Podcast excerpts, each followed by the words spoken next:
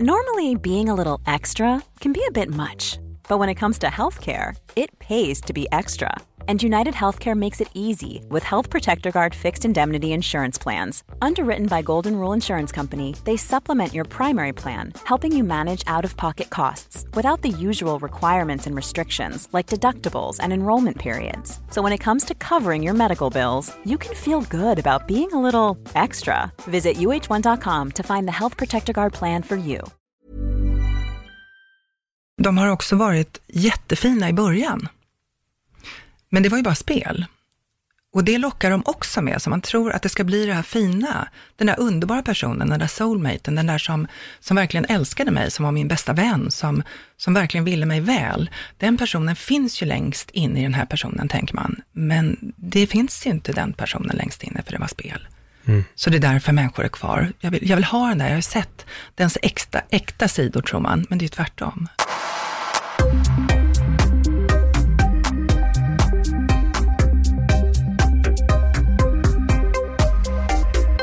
Yvonne Fuchs, välkommen till Öppet sinne. Tack så jättemycket. Uh, ja, jag är lite här, var börjar vi? Jag uh, snubblade ju över en text som du hade skrivit på, på Tabos uh, Facebook-sida här för ett tag sedan. Läste den, handlade om Örjan Ramberg och Josefin Nilsson. Sen började jag läsa mer och mer om dig och jag tycker att du hade väldigt bra, intressanta och sunda värderingar. Kontaktade dig och nu sitter vi här. Mm -hmm. Tack ja. för att jag får vara här.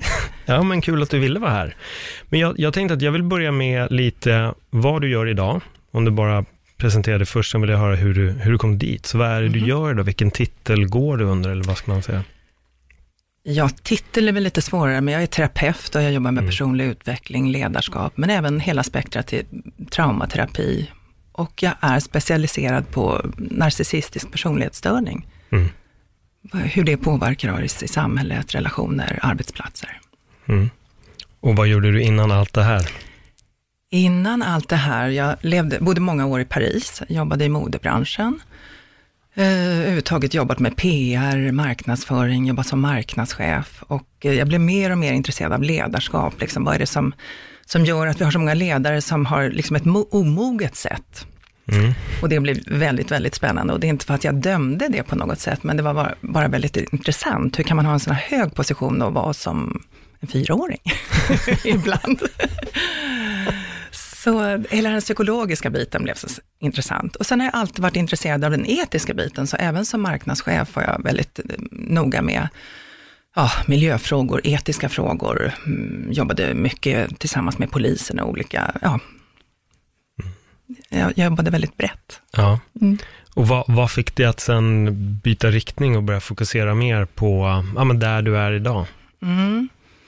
Både att jag följde mitt intresse, ja. men sen också eh, att det hände saker i mitt liv. Mm. Och jag hade lite saker i bagaget som jag inte hade tänkt så mycket på, för jag mådde väldigt bra, men olika saker började komma ifatt mig. Mm. mm. Och nu är du där du är idag? Hur länge har du jobbat med, med just det här med det narcissistiska beteendet? Eh, ja, men det, det blev jag ju mer och mer specialiserad på, men däremot mm. så eh, har jag ju hållit på med det här sedan i början av 90-talet, men börjat arbeta med det eh, ja, början av 2000. Mm. Så det, men det är ändå ganska länge, då är det ju, det är vi, länge, vi är inne i 2019, så snart 20 år, ja, ja, du började ja. där omkring. Som, som jag haft det som yrke, ja, precis. Ja. Vad ser du hos en narcissistisk person? För när du nämnde, satt och nämnde allt det här, jag vet inte varför, men, men mina tankar flög direkt till Donald Trump. Ja. Vad man bland annat ser som är lite fascinerande, det är att eh, man kan se ett litet barn kryper igenom. Mm. Eh, och det blir väldigt olyckligt att man har en emotionell omogenhet som är som ett litet barns och så är man i en sån maktposition. Mm. Så ibland, om du tänker efter, så är det som att, men det här är ju en fyraåring som pratar. En, en arg och ledsen och ja, det blir ju jätteknasigt. Mm. Mm. Vad, tror, vad, vad, är det som gör att eh, folk inte växer upp? Sår.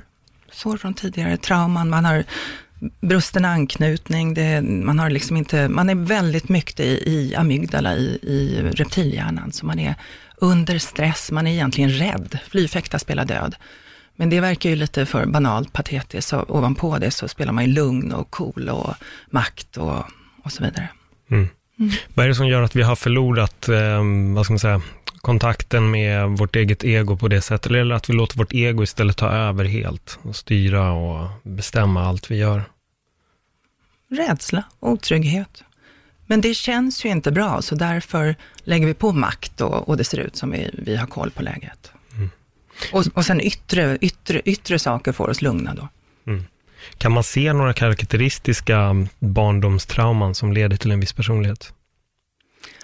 Absolut. Värst är ju kanske att ha blivit sviken av båda två, både mamma och pappa. Men det kan ju vara bakom en fasad där det ser ut som att man är från de bästa omständigheter.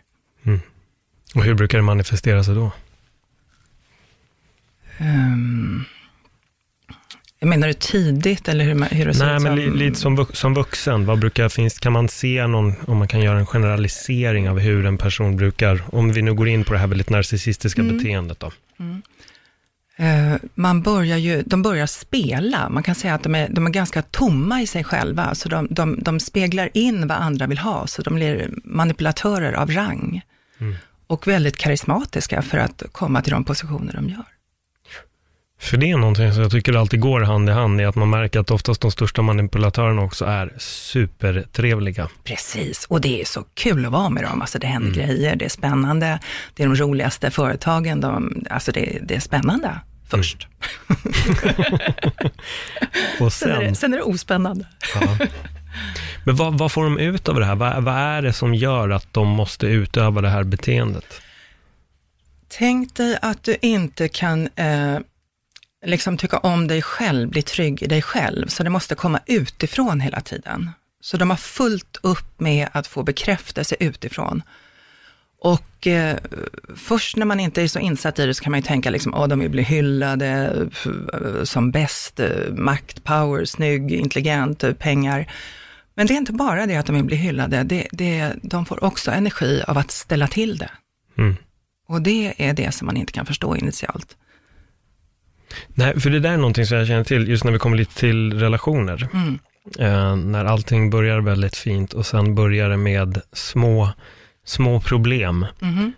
Typ som, men det kan vara som små saker. Jag tänker lite på till exempel R. Kelly-dokumentären, där ville han mm. med att de skulle kalla honom för Me Daddy och sen eskalerar det bara. Det blir bara den ena saken efter den andra. Yeah. Vilka röda flaggor kan man eh, liksom ha lite bejakan om man är eh, i en relation? Ja, men precis. Det finns en hel del. En är att det går väldigt fort. Det känns mm. så jäkla bra, så fort. Alltså i en kärleksrelation så är man soulmates, alltså det, det stämmer på alla punkter. Mm. Det har aldrig känts så bra. Så man tänker att, alltså, hallå, jag känner den här personen, det är bara att ja, sätta sig i båten eller bli gravid eller inleda en relation eller gifta sig eller flytta ihop eller köpa hus ihop eller vad man nu gör. För det, för det, mm. det känns så snabbt, så bra. De är mästare på det och får det att kännas som, men det är ju bara spel. Men det övergår ens förstånd, för det känns totalt trovärdigt. Mm. Totalt, 100% trovärdigt. Det har aldrig känts så bra. Så lite för bra för att vara sant, är en flagga också. Det här är bara, ja men det här är bara, det här är, alltså jag är så lycklig, det här är så bra. Mm. Då, det är en röd flagga. Och det vill man ju inte tro, man vill ju att det ska få vara så bra. Ja. Men finns det inte också en risk att vi blir lite lurade av det där? För jag tänker att vi, eller jag vet själv lite hur jag har varit, man, eh, jag, jag ska inte säga man, jag har kunnat vara en jävla sucker för passion, att mm känna någon form av liksom mm passion. Och jag träffade en tjej för ganska många år sedan nu, där det var lite det du sa. Ja. Det är bara så här, wow, klickade och det var, yep. känslan var verkligen, fan, vi skaffar allt. Ja. Låt oss... Eh, vi känner varandra redan. Ja, exakt. Mm -hmm. Sen började konstiga teorier att komma upp. Ja. Jag, jag, ska inte säga att det fanns någon form av svartsjuka eller något, något konstigt så, men det började komma teorier om att jag eventuellt skulle vara otrogen för jag såg bra ut, eller det började läggas mycket frågeställningar på mig som jag till slut fick gå in och försvara. Ja. Medan det var så oerhört långt ifrån mig.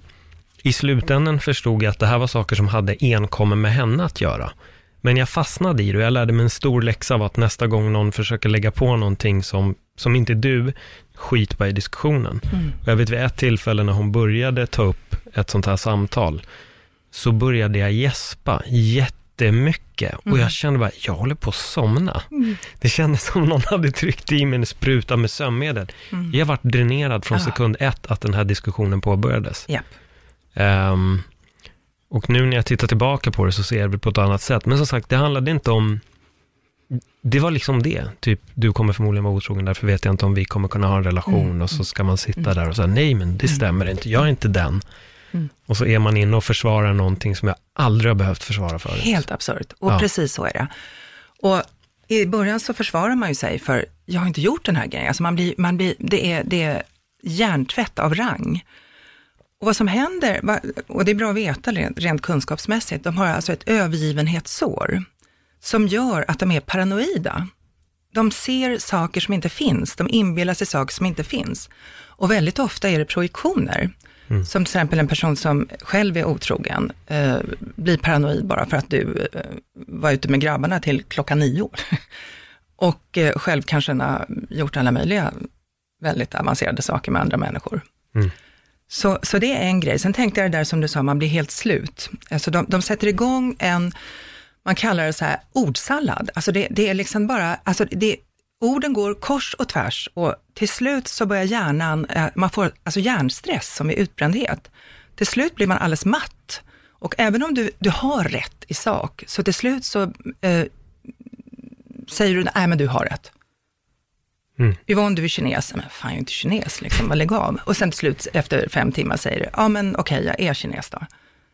Men då ska de bråka om varför du inte sa det på en gång. Ja, ja men precis. och, och hjärnan går sönder. Alltså det är så absurda saker man bråkar om. Och speciellt det där när de kan ha gjort hur knasiga saker som helst. Ja, hur, hur galna saker som helst. Personen kan ha misshandlat mig och så puttar jag bort den lite och så ska de polisanmäla mig nu. Alltså det är, det är så absurt det man är med om. Mm. Och hjärnan klarar inte av det. det blir, alltså vi får kognitiv dissonans. Det, det blir liksom, man tappar minnet, man tappar, man är alldeles för mycket i amygdala, i, i reptilhjärnan. Ja. Jag, var den, jag minns just den, den kvällen, minns jag så väl. Jag varit helt dränerad mm -hmm. så fort samtalet började. Äh, fan, jag håller på att kollapsa, mm -hmm. jag håller mhm. på att somna av den här diskussionen. är så tröttsam. Och just det där att det hjälper inte att ha rätt. Nej, det spelar ingen roll. Man sitter och håller en svart penna i handen och de säger, du håller en sopkvast i handen. Mm. Och man känner, det här är absurt. Mm. Men kan man se, alltså är det här vanligare män och kvinnor eller är det likvärdigt män och kvinnor? Det är likvärdigt. Eh, man trodde förut att det var män. Kvinnor har bara gjort det på ett annat sätt. Mm. Eh, historiskt sett så, jag menar kvinnan har ju inte haft eh, rösträtt, till exempel i Sverige eller i olika länder. Alltså vi, man har en annan underlägsen maktposition i många länder och, och, har ju haft här också till viss del fortfarande kan man väl säga. Mm. Så det har bara kvinnor bara gjort på ett annat sätt. Men kvinnor har ju inte mindre övergivenhetsår från barndomen, det är ingen skillnad. Nej. Nej. Men alltså vad är ett övergivenhetssår? För jag menar, man kan ju även se folk som har både mamma och pappa hemma. Det, ja. det ser ut som en kärnfamilj. Absolut. Så jag menar, övergivenhetsår kan man få även om familjer inte har separerat. Alltså jag är ju skils, skilsmässobarn till exempel, mm. men har jättebra kontakt med både mamma och pappa. Mm. Uh, den, för nu tänker jag på den här tjejen, hon hade, det, mm. det var att de var ihop liksom. Mm. De levde oh, ihop. Ja. Men det kan vara allt från att typ, mamma hade velat uh, gifta sig med en annan person eller pappa är ute och är otrogen. Alltså vad som helst, alltså barnet är inte älskat för den den är. Uh, men, det, men, man har ju ofta en fasad att, oh, vi är lyckliga familjen, för det, det, är ju ingenting man skyltar dem utåt, utan vi har gjort allt för det här barnet, kan det ju vara. Mm. Så någonstans har barnet aldrig fått trygghet och vi behöver vara i trygghet för att barnets hjärna ska utvecklas som sig bör. Så är det inte tryggt så bildas för mycket kortisol i blodet och du är alldeles för mycket i stress, du är alldeles för mycket i den så kallade reptilhjärnan. Så man lär sig aldrig tillit. Mm. Och en person som aldrig lär sig tillit, det barnet stannar i det narcissistiska stadiet, alltså den utvecklingsfas som små, små barn har. Så man kommer aldrig ur att man, eh, tänk dig liksom, jag brukar säga så här, det är som att man inte har råd att känna empati för andra, för man har fullt upp att överleva själv. Mm. Men det ser ju inte så bra ut, så ovanpå det lägger man ofta ett lugn och en coolhet. Och det är det som är så förvirrande. De är egentligen tokrädda, men ser stenkola och lugna och harmoniska ut, ofta. Och, och, och strävar ju också efter makt i övre världen eller undre världen, eller vad vi ska kalla det. Jag tänkte lite på det här med barn. Vi, vi nu började vi snudda vid barnuppfostran.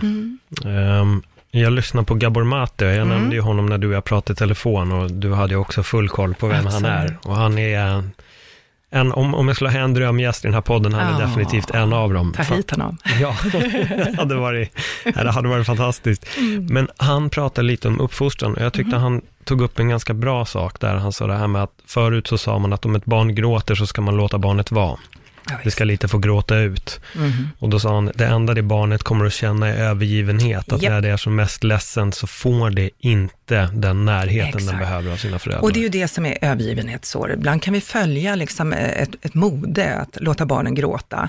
Att lägga dem i eget rum, släck, lämna dem där. Det är rena galenskapen, det blir ett övergivenhetssår. Barnet behöver känna sig tryggt. Mm. Det är otroligt enkelt egentligen.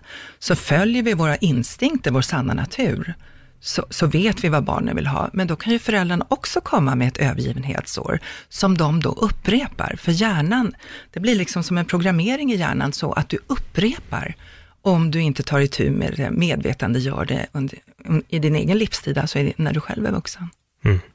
För jag reagerar också på det här föräldrar som har en benägenhet att skrika på sina barn. Mm. Jag kan höra det ibland från mina grannar och jag kan höra hur han, ungen blir alltid rädd Såklart. och börjar gråta. Och jag tänker, det, fan när det kommer in en stor människa när man är liten, de, man blir skitskraj. Det är förfärligt Ja. maktutövande av den som ska ge mig trygghet. Man kan säga så här, de som får det största anknytningssåret, det är när du till och med är rädd. Det är inte bara att du inte har fått det du behöver, du är till och med rädd för de som ska ge dig trygghet. Mm. Då får du det största, du får liksom den här eh, ambivalenta anknytningen du vill ha. Du tänkte att liksom barnet går fram till mamma eller pappa och bara längtar efter, älskar, älskar och sen bara backar. För den som du ska få trygghet av är den som skadar dig.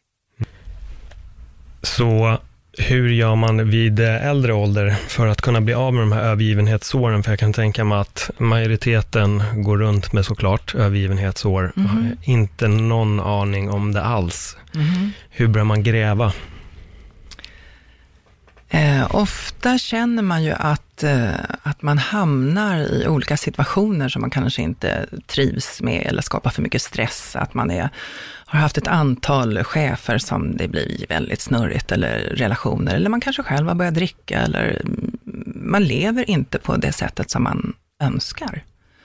Så då tar ju en del itu med sina liv. Men det kan ju också vara, eh, om vi tänker de som får de största övergivningssåren, de blir ju så skickliga på att manipulera, så där är ju väldigt få som söker någon hjälp. Och man ser väl också att eh, de med de största såren har förmodligen fått en sån hjärnskada att eh, det inte går att, eh, för dem att börja känna empati. Mm. Det är så extremt. Ja, de är ju tack och lov väldigt få. Mm. Det är därför de blir så mästerliga på att manipulera och eh, förföra, dupera. Just det. För det är ren överlevnad för dem. Och då kan man ju liksom, man kan ju också hamna i att man tycker synd om dem, för det är ju ett jäkla sår att ha.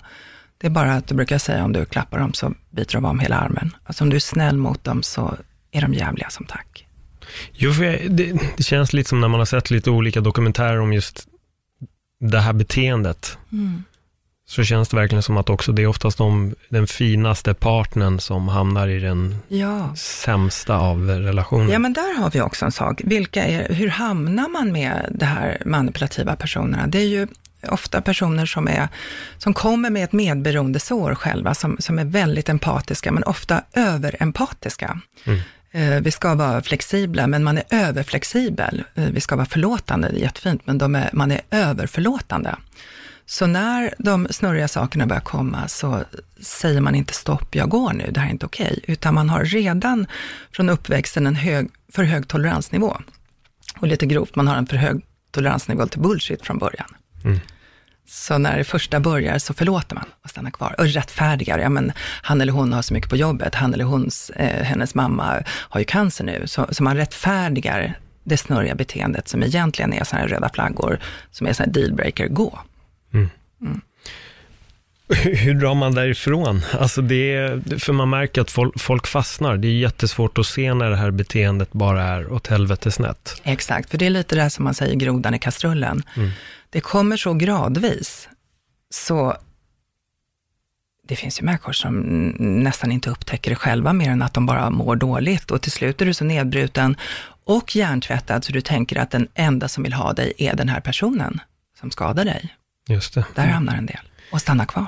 Såg du R. Kelly-dokumentären? Jag har bara sett en del av den. Ja, för, för där var ju verkligen det här systematiska förvärringen i allting han gjorde. Ja. Det började väldigt snällt Ja, och fint och sen var det små saker och till slut så kunde man märka att de här kvinnorna var ju bara som i ett fängelse. De fattade inte ens hur de hade hamnat där. nej. Och det var någon tjej som hade fått frågan om varför gick du inte? Ja, Du, du kunde gå när du ville och han hävdade ju det med, de kan gå när de vill, men det är som att fängelset är, det är inte ett galler utan det är huvudet. Man Ja. är helt fången i, Ja. i sin egen hjärna. precis. Du, du bryts ju ner till slut så att du inte har nå- något självförtroende. Du har en så sargad självbild så att du orkar inte och du är glad att ens få vara kvar. Men sen också anledningen att vi inte går medan det bara börjar bli värre. Det är, och det här är bra att veta, för det, det bör man se till sig själv, att de här personerna har någonting som du vill ha. Mm. Vad det än är. Eh, I det här fallet då så är det liksom inträde in i eh, en värld, en bransch som de vill. Så de har något som man vill ha och det lockar de med och man vet att jag kommer få det, jag kommer få det. Eh, Och det gör också att man blir blind. Mm. För att, och inte bara det, de lockar, de har också varit jättefina i början. Men det var ju bara spel. Och det lockar de också med, så man tror att det ska bli det här fina, den där underbara personen, den där soulmaten, den där som, som verkligen älskade mig, som var min bästa vän, som, som verkligen ville mig väl. Den personen finns ju längst in i den här personen, tänker man. Men det finns ju inte den personen längst inne, för det var spel. Så det är därför människor är kvar. Jag vill, jag vill ha den där, jag har sett dens äkta, äkta sidor, tror man, men det är tvärtom. Fan intressant, man faller alltså för charaden, Mhm. men sen kommer verkligheten fram och då tror man att charaden är den riktiga sidan, men den är inte det. Precis, och det är därför det måste gå fort. Mm. Eh, För du måste snabbt bindas in till dem, för de kan inte hålla sig länge. Deras sanna sida kommer hyfsat snabbt. Mm. I en relation kan det vara efter bara några veckor, en månad, max ett år. Men för de klarar inte att spela så länge, de orkar inte. Tråkigt att hålla på och spela. Har du träffat en person som är, har varit medveten om sitt eget det här beteendet och velat ändra det? Inte träffat, men eh, det finns, på tal om podd, så finns det en person på YouTube, jag ska försöka komma ihåg namnet, H.G. Tudor. Och han är narcissist själv, av rang. Jag kan tänka mig att han går i kritstreck, det är liksom otroligt charmig. Men han har av någon anledning, jag kommer inte ihåg om han vill hamna med polisen eller så, ehm, bestämt sig för att berätta hur det är inifrån. Och han är den här, den här, det det är ju ett spektra, det är de som går på ren instinkt, som inte vet vad de är, vad de gör, utan bara tycker alla är dumma i huvudet, tycker att de gör rätt. Mer djuriskt kan man säga. Och så har du de som, ett helt spektra då, de som är otroligt intelligenta, de har ju en mycket mer sadistisk ådra. De vet precis vad de gör. Det är som han säger när han träffar, han har ju hur många som helst på gång samtidigt, när det gäller till exempel kvinnor. Och han vet när han går in i det, han förför dem som en mästare, och så vet han redan från början, in the end it's gonna hurt. Alltså han vet det redan. Ja, jävlar. Ja, och det är otroligt intressant att lyssna på. Och så finns det en person till som heter Sam Van- Vanknin, eh, om jag uttalar det rätt. Eh, han är eh, intellektuell narcissism. Eh, och det är, ofta har de en kraftfull sexualitet, eh, eh, eller ja, en, man objektifierar andra människor. Men sen finns det också några som har eh, intellektuell narcissism, alltså de är, har en hjärna av rang och de kan ha noll sexualitet. Mm. Och det är den här Sam Backnin, också otroligt intressant. Han är liksom, jag vet inte hur många professurer och, och, och så vidare som han har. Det är jättespännande att lyssna på dem båda två, inifrån. Det är så unikt. Jo, men det kan jag tänka mig. Vad är, vad är skillnaden på deras beteende? Jag antar att det finns någon form av skillnad, när det ändå var någon, om jag förstod det rätt, så var den ena mycket mer intellektuell. Nej, båda är intellektuella. Okej. Så båda är, nej okej, en är intellektuell, eh, en är smart och välutbildad och en är mer beläst. Då. Mm. Men båda är briljanta intellekt, Okej, genomsmarta båda två. just det, just det, och gillar att manipulera med dialog och sen... Exakt. Och de berättar att de, de gör ju inte det här för att egentligen hjälpa människor, för de bryr sig inte om människor, men de får ju kickar av det. Ja. Så även om de hjälper människor så är det inte därför de gör det. Men vad, vad, vad beror det på att vissa människor har sån extrem brist på empati och andra människor har för mycket empati och är väldigt godtrogna? Ja, men precis. Så, eh, om, du, om du får de här eh, kraftfulla övergivenhetsåren då, att, du, att det har varit farligt, totalt otryggt i uppväxten. Det här vi sa, barnet som eh, till och med är rädd för föräldern som ska ge en trygghet. De utvecklar i, i värsta fall inte empati. Mm. För att man har liksom inte råd, man tänker sig att hjärnan inte har råd att tänka hur det är för andra. Jag nämnde lite tidigare, att det, eh, man har fullt upp att överleva själv. Och sen har du de barnen, det skulle kunna vara två syskon i samma familj, så det kan vara samma föräldrar. Och en utvecklar överempati, överförlåtande, överförstående, vill gärna rädda andra, hjälpa andra, det blir som en medberoende personlighet. För den har då fått kanske, om vi hittar på en historia, kanske mamma drack och ja, pappa har lämnat. Och ett barn då får ingen energi, det kan utveckla det här narcissistiska. Och ett barn kanske lär sig att eh, den tar hand om mamma, den eh, diskar och sköter hela hemmet medan hon, hon ligger på soffan och är berusad och gör ingenting. Så det barnet kan då utveckla ett medberoende, så den får någon form av cred. Så den lär sig, aha, om jag gör saker för andra, då får jag ett existensberättigande. Mm. Så den har liksom lärt sig, jag har ett värde, det är att jag är jättesnäll, jag finns där för andra, jag är förlåtande, jag är stark. Uh, man kan bli en person som bara ser möjligheter, inga hinder, så man kan se jättevälfungerande ut. För jag, tycker, jag såg ett klipp på um, någonstans, jag vet inte vad det var, och det handlar just om det du tar upp. Och jag tyckte mm. det var så intressant, för det var just att ena föräldern var alkoholist, den ena barnet blev alkoholist, den andra blev inte det. Mm. Och bådas svar var varför de blev det de blev var att jag såg min pappa. Mm. Men det är så intressant tolkningen av att se sin pappa. Ja. Den ena kände att det var vägen att gå, den andra kände att det är absolut inte vägen att gå. Ja, så vi är också duktiga på att verkligen se saker med väldigt olika ögon i den här världen. Ja, och vi har ju också ett ansvar och det är lite sånt som jag jobbar med. Mm. Att man zoomar ur sin egen bild. Alltså vi, vi, vi blir som offer för yttre omständigheter, så när man vill börja ta itu med sitt liv, eh, så, så börjar man se som de, som de här två syskonen då, mm. ett av dem kände väl, men vänta här nu, vill jag bli som pappa? Och den andra mer bara lät det hända. Mm. Det vill säga man följer hjärnans programmering. Jag har sett det, jag har tagit in det via hjärnans spegelneuroner. Hjärnan på ett barn tar ju in, de första sex åren tar in i, man kan säga teta hjärnfrekvens, det vill säga barnet tar, barnets hjärna tar bara in det som händer. Och sen tar hjärnan in i form av repetition. Så det är ungefär som när man lär sig ABC. Det är ju först bara en massa krumelurer och sen mm. övar man och övar och så vet man vad alla heter och sen kan man ordningen, så kan man resten av livet. Så det repeteras och likadant med att lära sig köra bil. Varje gång du sätter dig i bilen så är det inte, hur fasen gjorde man nu igen? Utan det har gått in i autopiloten. Mm. Så det här två barn som då växer upp med en förälder som dricker. Så nu har vi en programmering för att det är lätt att ta till då eh, vid stress eller om livet är lite jobbigt. Och då kan det vara så att ett av de här två barnen då som valde att eh, jag fick ju ett dåligt exempel, så vill jag inte göra. Det har liksom reflekterat, tittat på det hela och känt efter, nej, så vill jag inte göra. Och det andras hjärna har rent neurologiskt bara gjort samma, utan mm. att reflektera. Det är det vi kallar omedvetenhet och medvetenhet.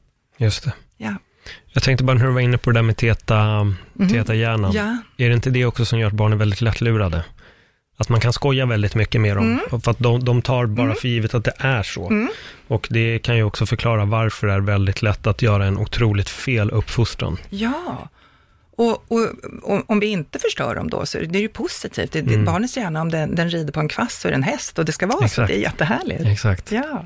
Men, ba, men vad, vad händer sen från och med sju års ålder uppåt? För då går man ju över i en annan fas. Ja, och då, då pro, programmeras ju hjärnan också, men då är det det som sker i repetition. Mm. Så det första eh, är det som, jag menar, det kallade ju Freud det undermedvetna, det är liksom, det, det, är inte säkert att vi har kontakt med det, till exempel preverbala tiden, där har du ju inte minnen, men det går att komma i kontakt med det och så kan du också bara att du förstår hur hjärnan funkar, så kan du se, men gud, vad tog jag in då? Ja, men just det, nu förstår jag att jag repeterar det här beteendet som jag tänkte att jag aldrig skulle ha. Wow, det är inte underligt, jag ju, såg ju det väldigt mycket. Vi säger att min, om vi säger att min mamma inte kunde knyta an till mig eller inte ville krama mig. Och så kanske jag har fått barn nu, så kanske jag undrar, vad sjutton, jag har ingen lust att krama mitt barn. Och så mm, går jag i terapi eller börjar lära mig förstå då hur hjärnan funkar rent neurologiskt. Aha, är det därför det känns konstigt för mig? Men det här vill jag göra någonting åt. Om du då lägger på medvetenhet och nyfikenhet och du vill ta ansvar. Och om du inte lägger på medvetenhet och nyfikenhet, då gör du bara samma. Mm. Varför har vi så svårt att visa kärlek till familj och släkt? Det är något som jag känner i alla fall här mm. i Sverige, om jag mm. jämför med min spanska sida. Mm. Bara den här pussen på kinden, det gör, det gör jättestor skillnad. Ja. Man träffar varandra, ger varandra en kram och ja. man har mycket lättare att säga att jag älskar dig. Och, ja. Medan här är det nästan, det känns lite som tabu när det kommer mm. inom familjen, mm. kan jag uppleva i alla fall. Precis, ibland. vi har fått för oss att nästan att det är lite pinsamt. Jag säger jag älskar dig hela dagen, jag har två katter, jag säger till dem också. och det är jättehärligt. Ja. men, men är det något svenskt? Att det, det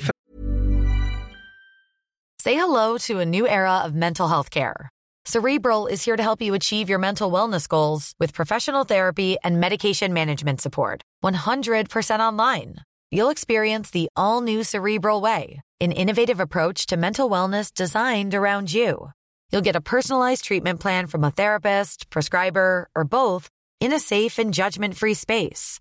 Your cerebral therapist or prescriber will outline a customized plan with clear milestones along the way so you can get to feeling your best. With Cerebral, you're not alone in your mental health journey. We're here to empower you to live a fulfilling life.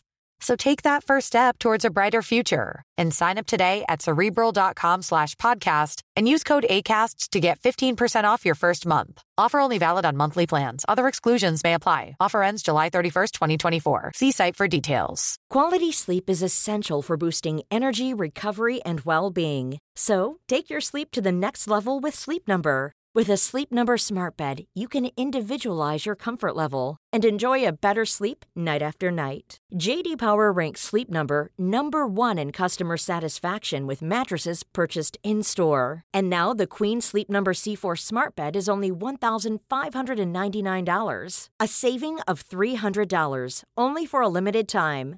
For JD Power 2023 award information, visit jdpower.com/awards. Only at Sleep Number stores or sleepnumber.com. Förmodligen är väl lite kulturellt. Skandinavisk kyla eller vad? Ja, men sen kan man ju också ha det latinska. Det är lätt att tro att bara för att det är latinskt så är det så mycket mm. känslor och det är så positivt. Man kan ju faktiskt ha känslor, stå på bordet och skrika och så har man ändå inte kommit i kontakt Nej. med med sin sårbarhet. Precis. Men man viftar med armarna och högröd. Mm. Jag läste idag en av dina texter, jag läste fler, men eh, det var väldigt mycket om att älska sig själv. Mm. Um, och det här tycker jag är någonting som vi är experter på att missa. Jag tyckte att du tog upp eh, en rad saker som jag tyckte var väldigt bra. Jag minns dem inte exakt, men det handlar just om att om du inte älskar dig själv, hur ska någon annan älska dig? Lite, lite kort och gott. Ja. Um, lite hur, eh, hur blir vi bättre på att uh, tycka om oss själva och kunna säga att vi verkligen älskar oss själva? Man kan väl nästan säga tvärtom istället. Varför slutade vi? Eh, ja. Ett barn vet mm. ju att de är värdefulla, att de behövs, att de, att de är bra. Det vet mm. de ju. Och har vi trasslat till det lite där, men du är för jobbig, eller gå in på ditt rum, eller fan du är ju inte bra på matte eller någonting, så får man veta, jaha, var, jaha, var inte jag så bra? Mm. Eller mamma jobbar hellre än är med mig, hon har värsta karriären och har jättekul på jobbet och du får ha barnflicka. Okej, okay. så jag är inte så viktig då. Mm. Så vi har det ju från början. Vi har det ju från början. Eh, och det behöver vi hitta tillbaka till, om det är så att olika saker har hänt i livet så att vi har glömt bort det, så att säga. Jag tänkte direkt när du sa det här, för jag har lite vänner som är adopterade. Mm. Eh, det känns som att där borde det finnas ett ganska stort övergivenhetsår, när du ja. pratar om det här med mamma, att mamma inte finns där utan barnflicka. Visst. Här har vi ju liksom barn som blir övergivna av sin mamma till en annan familj. Ja. Hur, eh, kort och gott kan man se skillnad på, kan adopterade barn ha mer Ja, men trauma? absolut. Mm. absolut. Det, det kommer ju fatt en till slut, inte, om inte annat så börjar man tänka, men hur kunde den som borde älska mig bara inte vilja ha mig. Mm. Hur fattig man än är eller krångligt än är, hur, hur nej men, nej men vad hemskt, är, kan jag verkligen vara värdefull då? Det kan komma alla möjliga existen- existentiella tankar. Plus själva såret som blir, någonting har ju spädbarnet varit med om som är skrämmande, så någon gång har det varit livrädd. Såklart, för, för, för ett spädbarn handlar det bara om att överleva. Så finns inte kärlek och vårdnadshavare där, så eh, hamnar man ju i total rädsla. Mm. Chock. Så det, det gamla, det finns ju kroppsminnen i barnen som kan komma i fatt och spöka. För trauma kan man väl få redan alltså, som typ spädbarn? Absolut. Så väldigt långt, Absolut, långt definitivt. tillbaka. Definitivt. Och tvärtom, det är ju där man behöver tryggheten som mest. Mm. Alltså, det, lilla barnet är ju helt beroende av sunda föräldrar. Mm. Eh, Man kan ju överleva på att bara få ja, mat och någonstans att bo, men vi, det är bara att överleva. Vi behöver ju kärlek och trygghet. Många letar efter det inre barnet när de jobbar Mm. med, med terapi och sånt. Är det någonting som du också gör? Ja, det kan man säga. För det är liksom, om jag tänker att jag behöver försonas med alla delar av mitt tidigare liv, allt det jag har varit med om. Egentligen är det ju att man förstår sig själv. För att kunna leva hälsosamt, för att kunna vara en bra ledare, för att kunna vara en bra kompis, en bra partner, en bra chef eller vad man nu är, så behöver jag ju förstå mig. Det är ju ganska grundläggande egentligen.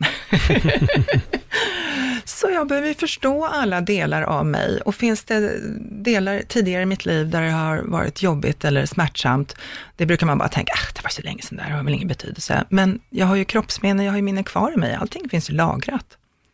Så helt plötsligt kan det komma ikapp mig, så att liksom vara i kontakt med sitt inre barn, om man kallar det så, är ju bara att uh, ha en kärleksfull förståelse till det jag själv har varit med om, olika delar av livet. Som att känna ömhet för den personen, den unga personen. Och det blir att älska sig själv. Ja. Det blir väldigt tryggt. Mm. Man blir väldigt stadig, man vågar vara sårbar, man är jättestark och man blir full av livsenergi och glädje och wow, livet. Jag, jag tror ibland att folk blandar ihop också att vara svag och sårbar. Yes. För mig att vara svag är en sak, att vara sårbar är något helt annat. Japp. Jag tycker inte att det är något fel att vara sårbar. Däremot Nej. svag kan leda en till andra problem om man går runt och känner sig svag hela tiden. Men sårbarhet tycker jag väl ändå är något stort när man kan, kan visa upp. Och det är någonting som jag har haft flera gäster i, i min podd som har vågat visa upp sin egen sårbarhet. Jag tycker det är så otroligt stort när de väl vågar, vågar göra det. Det är så vackert, det är det fina som finns. Det är ju sådana relationer vi vill ha med, med vår familj, med, med våra bästa vänner, med den vi lever med. Att våga vara sitt autentiska jag, att våga vara sig själv, att våga vara sårbar, att våga vara allt jag är, inte spela teater för att du ska tycka om mig.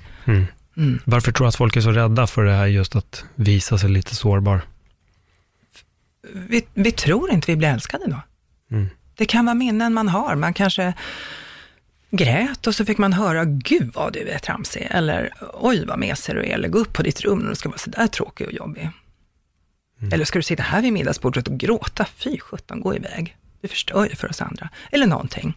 Så man har fått för sig att, eh, eller man kanske blev mobbad i skolan och man vill inte tynga sina föräldrar. Man har förstått att det är inte något bra det där med att vi inte mår bra, vi ska helst må bra hela tiden. Så man kanske inte tynger sina föräldrar med det. Man, man kan ha olika idéer, liksom så här, hur man har blivit präglad, att det är mindre bra.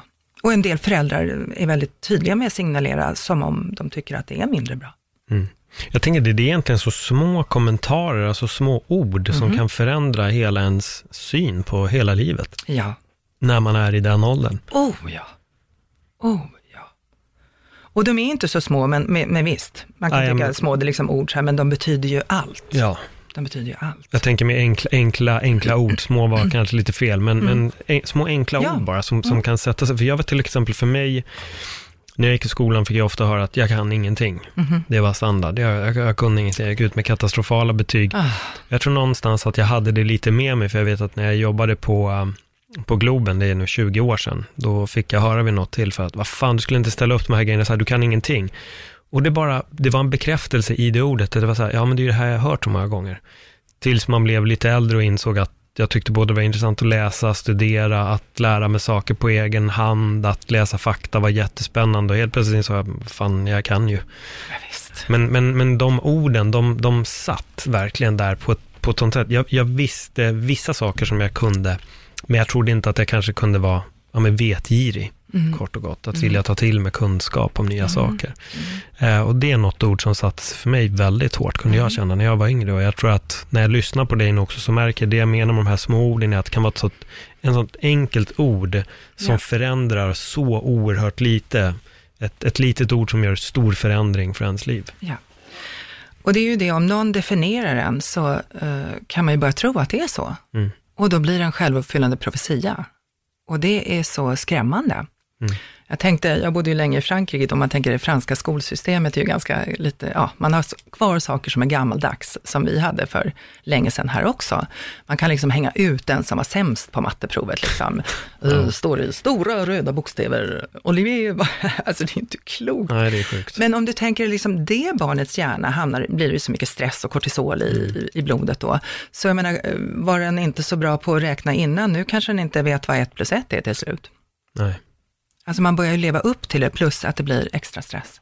Det Så det är ju blir- rena galenskapen att definiera eh, i negativ bemärkelse. Jag blir väldigt chockad ibland när jag hör föräldrar säga till sitt barn att ja men du är nu, alltså nu är det ju så där är det inte, du är lite korkad här Mhm. liksom. Att man, att man använder sig av de orden känns för mig, det är bara så jävla oskönt Yes, och, och helt fel. rena galenskapen.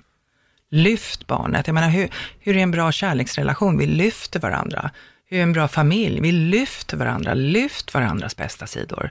Då blir de större. Mm. Då blir de ännu mer. Men fokuserar vi på det negativa, då blir det ju det som vi, då blir det större. Vad är det som gör att vi har så otroligt lätt, eller folk har otroligt lätt att gå på lite det negativa Mhm. istället för att kanske vara positiva och lyfta barn eller folk i sin egen omgivning? Om man tänker sig att, återigen hjärnan där, den, eh, den är fokuserad på det negativa. Och det är ju inte för att den är negativ, liksom. det är ingen felkonstruktion på något sätt, utan eh, vi säger att jag växer upp eh, i ett land där det är krig, så då behöver jag veta liksom lite, vilka är fienden och kan det finnas landminor här? Eller om jag växer upp i en familj där pappa har ett eh, labilt, lynnigt humör. Så jag behöver liksom veta när han sätter nyckeln i dörren, eh, hur kommer det vara här? Eh, ska jag vara en tyst mus eller kan jag vara glad och gå fram och krama honom? Så ren överlevnad så fokuserar hjärnan på det negativa för att vi ska överleva. Men när vi vet det, så kan vi se, vi säger att jag kommer in i ett rum, så tittar jag bara liksom, ja men vilka tråkiga gardiner. Och så är allting andra, annat bra. Liksom så, så den har en tendens att hoppa på det negativa. Men det kan vi omprogrammera och så kan vi bli kompis med hjärnan och tänka att, ja men just det, det är bara för att en sån här gammal överlevnadsmekanism. och då kan man lära sig att prägla den med, Louise Hay var en kvinna som började jobba det här med, med affirmationer, en äldre kvinna, hon är ganska nyligen död. Eh, att, och hon hade en horribel bakgrund med penalistiskt, sadistiskt våld och alltså jättegalna saker. Men lärde sig programmera om hjärnan till kärleksfull, positiv, sund, välvillig, tillitsfull. Genom affirmationer. Yes. Jag har en fighter som jag intervjuade här i, för en annan podd förra veckan. Han jobbar jättemycket med affirmationer. Ja. Och det är så kul att, att se hur han jobbar med dem. Eh, hur, vad är en affirmation? Om det är någon som inte vet vad en affirmation är, hur skulle du kunna summera det på bara ett enkelt sätt? Att jag liksom vänder det till positivt. Vi säger att jag eh, tycker att eh, jag klarar inte av det här. Jag klarar av det här. Jag kommer klara av det. Ja. Ja, absolut. Klart jag klarar. och först kommer det kännas som falskt. Som plast liksom. Gud vad larvigt. Nej men fy fan vad. Men då bara gör det, gör det, gör det, gör det, gör det. Till slut blir det naturligt. Och en dag kommer du undra, hur kunde jag tänka tvärtom förut? Men då måste man öva den där pucken. Det är som att det jag övar på blir jag bra på. Är jag, övar jag på att vara självkritisk varje dag så kommer jag vara jäkligt bra på det. och övar jag på att peppa mig själv, eh, nej men upp igen Yvonne, det är ingen fara, kom igen, eh, fasen det gör ingenting, vi, vi på igen bara. Nej, vad bra du är liksom. Wow, du gick ett steg framåt och bara tre bakåt. Skitbra. Ja, men jag gillar det, för jag tror också ibland så, så, direkt istället för sin affirmation så tittar folk på Mount Everest och bestämmer sig direkt för att det går inte. Istället för att börja med att bestämma sig för att bara, men gå bara 10 meter upp för det här berget och för varje dag som du har gått 10 meter ut, någon gång kommer det till slut komma upp. Ja, och just den där att man också firar, så det där jag sa, ett steg framåt, bara tre bakåt. Yay! Inte fem bakåt, inte Nej. tio. Det var något jag läste, jag, jag höll på med stand-up förut och då läste jag en av böckerna om humor, då sa han det, han börjar alltid med att tio, tio skämt och då Mm. kommer du hitta ett bra. Nå, något kommer i alla fall vara lite bra. Men så fort du har skrivit tio skämt, även om de är skit, ställ dig upp, applådera högt och hylla dig själv. För du har lyckats skriva Aha. tio dåliga skämt och det är superbra. Eh, och jag tyckte det var så klockrent, för det var också bara att peppa sig själv på vägen. Det gjorde så pass mycket. Ja. Det var ett sånt litet medel för att hela tiden bli uppmuntrad att fortsätta, att man bara klappar händerna eller Ja. ja. men uppmuntrade sig själv. Ja. Och vi är för bra på att inte göra det. Vi Ja, är men bra visst. på att bara se vad vi åstadkommer eller inte åstadkommer. Eller gärna bara titta på allt vi inte åstadkom istället för att se vad vi åstadkommit också. Mm. Så ser vi bara vad vi har missat på vägen. Ja, men precis. Jag brukar kalla mig själv en liten superhjälte och då menar jag inte, jag var väldigt stark, jag klarade allting hela tiden. Så det är inte den delen, utan den där lilla tjejen som du pratade om, Mm. hon var en superhjälte. Hon har överlevt massa saker som såg väldigt bra ut på, fasaden såg bra ut. Hur många superhjältar finns där ute som inte är medvetna om det? Ja, Mm. alla är superhjältar. Ja. Mm.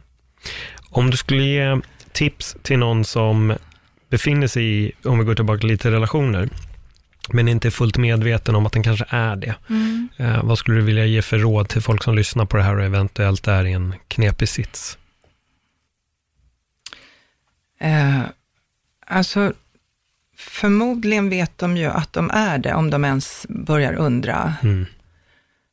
Eh, och det beror ju lite på hur långt relationen har gått, men ehm, det är ju väldigt knepigt att ta sig ur, så man behöver kunskap först. För i och med att personen du nu kanske kommer på att du vill lämna, vi säger att du kommer så långt, så att du har kommit på att du vill lämna, då kan personen bli ganska, i och med att de har ett övergivenhetssår, det är då det kan komma farliga sidor, eller aggressiva sidor, eller sidor som var mycket värre än det du någonsin har sett. Mm. Så det måste man vara medveten om. Det är inte bara att gå. Hur gör man då om de sidorna dyker upp? Vad, vad finns det för... Först börjar man att läsa på Mm. själv. Det, finns, det är ju så bra, det finns ju så otroligt mycket på nätet och, och så nu. Och kanske går till någon som är specialiserad på det, men lite i smyg behöver du göra det. Beroende på hur farlig eller allvarlig situationen är. Mm. Det kan komma väldigt oväntade sidor. Ja, jag har ingen aning om just dem. Jag har aldrig varit i den sitsen Nej. själv. Jag har aldrig hört någon som har varit i den sitsen själv. Men det Nej. är kanske också väldigt många som inte vill prata om att de har varit i den sitsen själva eller befinner sig i den. Precis som du säger, den här fasaden Mm. går ju även över till den som kanske istället för att förstå att allting är fel, istället känner skuldkänslor. Mm. Och tror att, som du har sagt också, till att man ungefär är värd det här. Ja. Det finns inget annat. Ja, men precis. Men det är lite som du sa, vi träffades ju genom det här kring Josefin Nilsson Mm. och Jan Rabar. Eh, att när man vet, hon hade säkert inte de kunskaperna, för de flesta har ju inte det, att Mm. det kan bli så tokigt när man går. Om inte annat så blir man själv väldigt sjuk.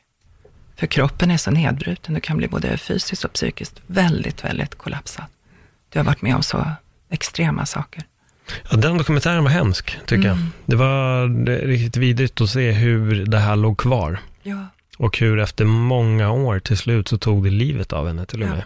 Du får alltid fysiska eller psykiska, eller både och, skador av Mm. att vara med narcissistiska personer för länge.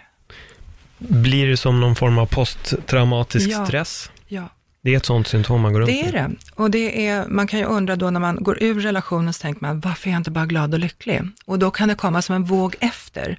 Att du går in i en djup depression, du får ångest, du tappar livslusten. Eh, Det kan hända alla möjliga saker, du har lust att börja dricka mer eller du måste äta psykofarmaka du kanske inte ens behövde i relationen. Så man får en chock, varför mår jag dåligt nu? Men det, det är som att det kommer i fatt. Och om du inte fattar att det är PTSD, posttraumatisk stress, så kan man ju tro att, men gud, liksom, det är något fel på mig. Jag är så sjuk som personen sa, för de har ju ofta talat om för dig hur psykiskt sjuk du är. Nu är jag inne på lite på, eller posttraumatisk stress när vi, tar upp det. Ehm, hur manifesterar sig posttraumatisk stress?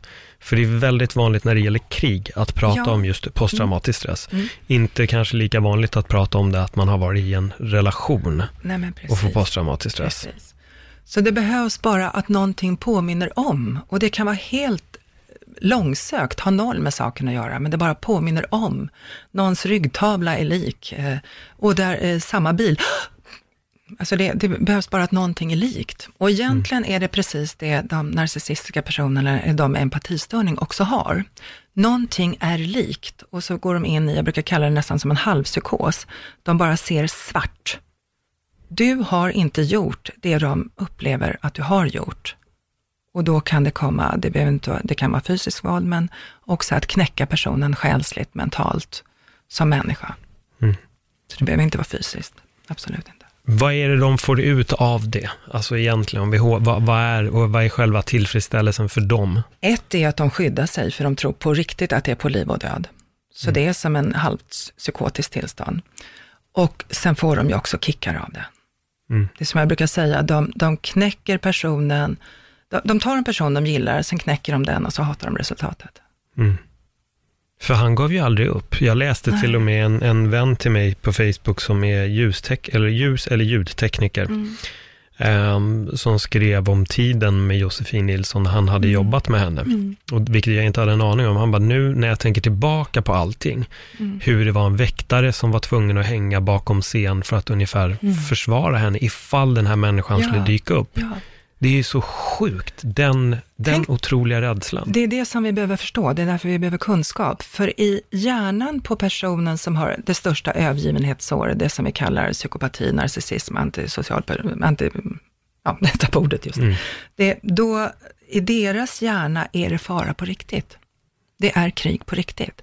Och då kan det stå, liksom, det kan, nu överdriver jag lite, men det kan vara Dalai Lama som står där och är bara snäll. Men personens hjärna tror att han har för fasen visst en kniv bakom ryggen. Just det. Och det är det som blir så absurt. Det går inte att förstå innan vi läser på och förstår hur hjärnan funkar. När den har extrema övergivenhetssår. Den blir liksom paranoid, den ser saker som inte finns. Och den projicerar, den tror att den andra är den här aggressiva personen som jag är.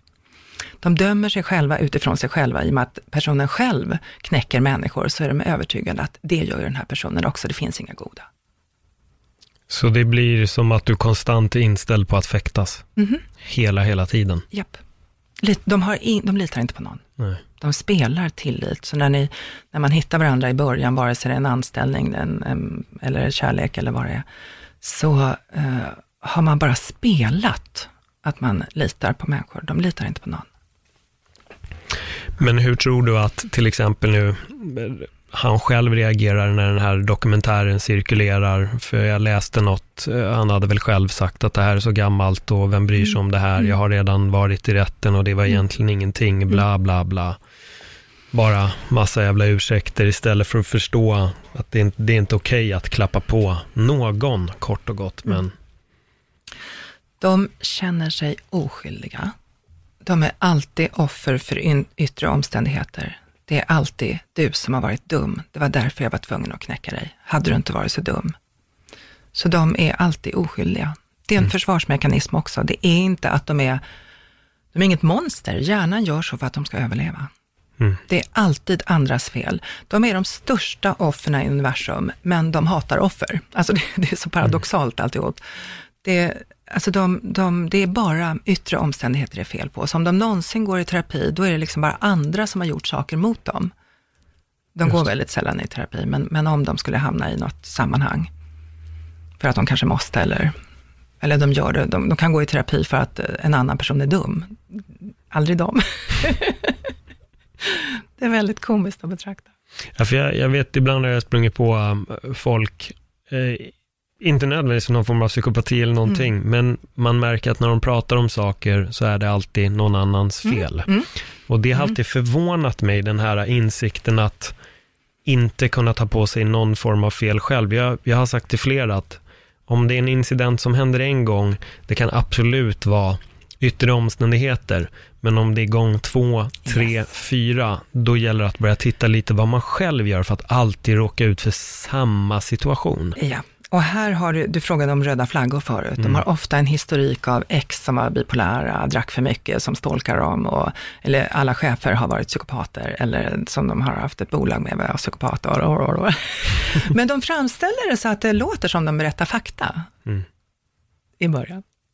Ja, det är jävligt obehagligt. och de kan be om ursäkt. Det är jättesällsynt, men om de gör det så är det för att de ser en vinst. Så att ja. de ska kunna lura dig ännu mer. Okay. Att, det håller på, att de håller på att ångra sig eller ska gå i terapi. eller någonting. att de har fattat. För det där tycker jag känner igen när det gäller just det här med att överge relationer, om den har varit lite, det behöver inte vara egentligen någon form av psykisk misshandel eller alls, det kan bara varit en knasrelation. Och sen när en person väl, väljer att dra, då är det så här, men nu gör jag förändringen. Jag, jag såg på ett eh, program som heter My 800 pound life, och det handlar om, ex- som du hör, extremt tjocka människor som får göra gastroskopisk operation eller vad det nu Just det. heter.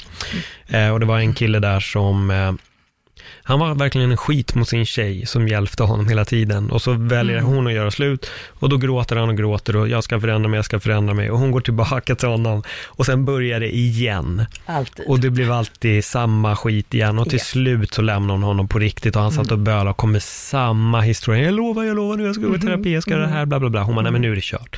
Och då drog hon och jag kände bara, fan vad bra. bra att du stack. Han, han var verkligen bara så jävla dålig för dig liksom. Ja. Um, Petrida, vad, vad är det de, alltså, är de redo att göra någon form av förändring ändå, eller är det bara den här Nej. Nej. på? Nej, det hittar på. Ja, I väldigt sällsynta fall så, men det är bara för att manipulera mer. Mm. Så det är liksom, de kan lova vad som helst för att få dig att komma tillbaka och sen så gör de som vanligt igen. Men vad får en sån person eh, ut av att ha en dålig relation? Alltså, man kan ju inte må bra i den Nej, men de relationen är själv. jättebesvikna. De är jättebesvikna, det är därför de blir, eh, om vi kallar det elaka, Ja. vill knäcka, för de är så besvikna. Tänk dig att de är, de är som små barn. Den här personen gör inte det den skulle göra, den skulle ju göra mig lycklig. för det är en omogenhet i dem. De är jätteomogna. Men det tänker man inte att någon kan vara som är liksom 30, 40, 50, 60, 70, 80. Alltså, va? För du skrev en väldigt bra, jag ska ta fram den här för jag tyckte att det här var väldigt bra. Det här handlade just om att välja rätt relationer.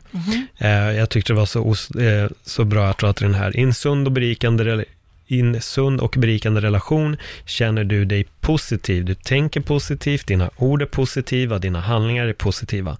Du slipper läcka tid och energi på missförstånd, besvikelser, tvister, attacker, bråk, tjafs, osämja, konflikter, missnöjelse, anklagelse, egoism, avund, konkurrens, ovisshet, osäkerhet, eh, svängighet, chock, hot, lögner, hemligheter, anklagelser och ständigt i instabilitet. I den osunda, kämpiga, instabila, toxiska relationen krymper du, du töms, dräneras, urholkas, det vill säga du går bakåt i din utveckling. Exakt. Och det tycker jag är pricken på, för att det är mer än ofta där man hör att folk känner bara två av de sakerna som du har lagt upp där, och det kan vara exakt vilken två av de sakerna som stod där i. Ja, men precis. Så vi behöver ju gå ur bilden då och då och känna efter, hur är det här? Titta på den som om det vore en film eller en teaterscen. Vad är det som pågår? Mår jag bra? Växer jag? Eller är det tvärtom? Då måste jag ta mig ur, vare sig det är arbete eller kärleksrelation eller vad det är. Mm. Och sen är det precis som, nu har vi pratat så mycket om eh, personlighetsstörning Ja. och empatioförmåga, men det handlar ju om lagen om attraktion. Eh, Det handlar om, jag behöver själv vara det jag vill ha. Så jag behöver själv vara sund för att attrahera sunt. Jag behöver själv eh, vara trygg i mig för att attrahera tryggt. Eh, Det som vi pratade om förut om överempatiska personer eller medberoende har egentligen ett, eh, man är inte helt trygg i sig, utan man, man gör saker för andra, man är förlåtande för an, mot andra. Så man behöver en egen trygghet. Jag behöver, jag behöver eh, själv vara det jag vill ha av världen. Mm. Och det är där vi behöver börja, för då kommer det intressanta. Jag repellerar liksom som baksidan på magneten, repellerar det osunda. Alltså det, det blir ingen attraktion, vi, vi kommer inte till varandra. Men två personer med någon form av lite tilltufsning blir som stor passion. Århundradets kärlekssaga. Och det känns helt rätt. När allt är fel. Ja. Nej, det var för jag vet, var en, en arbetskollega till mig, hon sa det till mig, hon bara, Paul, du har missförstått eh, kärlek och passion. Mhm. Och det var um, ganska på pricken på, tror jag. Ja. Eh, Att det är så lätt att fastna i det här passionerade, precis det du sa, där. Man, man vill göra allt. Ja. Nu skaffar vi 15 barn. Vi skapar ett helt land och en, eh, ett ekosystem här. Visst. Och då kan man säga så här, signumet, det är som fler frågar, så här, frågar mig, men Yvonne, det där passionen, liksom, den vill man ju ha, liksom, ah, hur är en riktig relation då? Eller vad, vad är bra liksom? Eller är det inte alltid så då, att det blir sämre? Nej! Signumet för en bra relation är att den blir bättre och bättre efter förälskelsen. Mm. Det blir bättre och bättre. För många, vi är liksom nästan lite hjärntvättade. Ja, men först när man förälskar, sen blir det inte så himla kul. Nej, Jo, det. den blir bättre och bättre. Vi har fallit för propagandan. Japp. Ja. Om du skulle ge ett eh, sista positivt tips för att avrunda vårt eh, samtal. Eh, du får ta upp precis vad, du får egentligen säga precis vad du vill om vad du vill till vem som helst eller vilka som helst där ute. Vad skulle du säga? Oj, ja, jag tänker liksom att, att öva på att vara trygg, att öva på att vara kärleksfull. Tänka efter, vad vill jag ha i livet? Hur vill jag må? Hur vill jag tänka? Hur vill jag bete mig? Hur vill jag leva? För när vi är i lite, liksom, livet kan bli sådär att vi inte tänker riktigt framåt. Om man har fullt upp med att bara överleva nu, så, eh, så vet jag inte mina mål. Vad har jag för sunda, härliga, berikande mål? Hur vill jag leva så att mitt liv bara blir bättre och bättre och bättre och bättre? Det har vi förmågan att göra. Bara bättre och bättre. Du kan ju tänka dig när du är 106. ja. Ja, det är det vi ska göra nu. ja, och det är fullt görbart Mm. med medvetenhet. Och det vi övar på. Precis. Fantastiskt. Eh, om folk vill eh, hitta dig, finns det några sociala medier, någon hemsida som jag ska hänvisa till? Det får du gärna göra. Det är bara mitt namn, Yvonne Fuchs. Mm. Ja, och jag finns på, jag har den här slutna gruppen på Facebook som man gärna får gå med i och där jag skriver väldigt mycket som många har med sig. Många tackar mig att det har hjälpt dem allt ifrån i osunda relationer till överhuvudtaget Mm. att må mycket bättre. Mm. Jättebra. Jag kommer länka till det här. Toppen. Så till er som lyssnar, det är bara att gå in till i bion på, på podden, så kommer ni kunna hitta allting där. Eh, Yvonne, tack för ett eh, jättebra samtal. Tack själv, underbart att vara här. Mm, verkligen. Tack. Det var det. Och till er som uppskattar podden, om ni gillar det, ni får jättegärna dela den på era sociala medier och eh, ja, nu kan ni börja förändringen. Det börjar idag, det börjar nu. Så tänk positivt och ta er ifrån allt det negativa som ni möjligtvis befinner er i. Mm. Mm. Det är nä- görbart. det är görbart, precis. Tills nästa gång, ha en jättebra vecka. Hej då!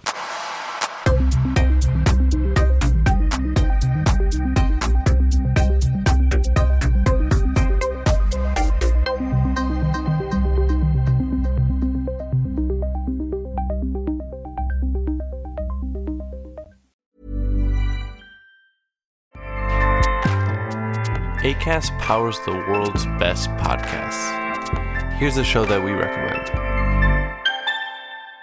Hi, I'm Una Chaplin, and I'm the host of a new podcast called Hollywood Exiles.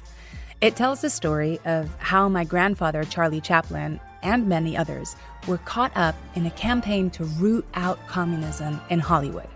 It's a story of glamour and scandal and political intrigue and a battle for the soul of a nation.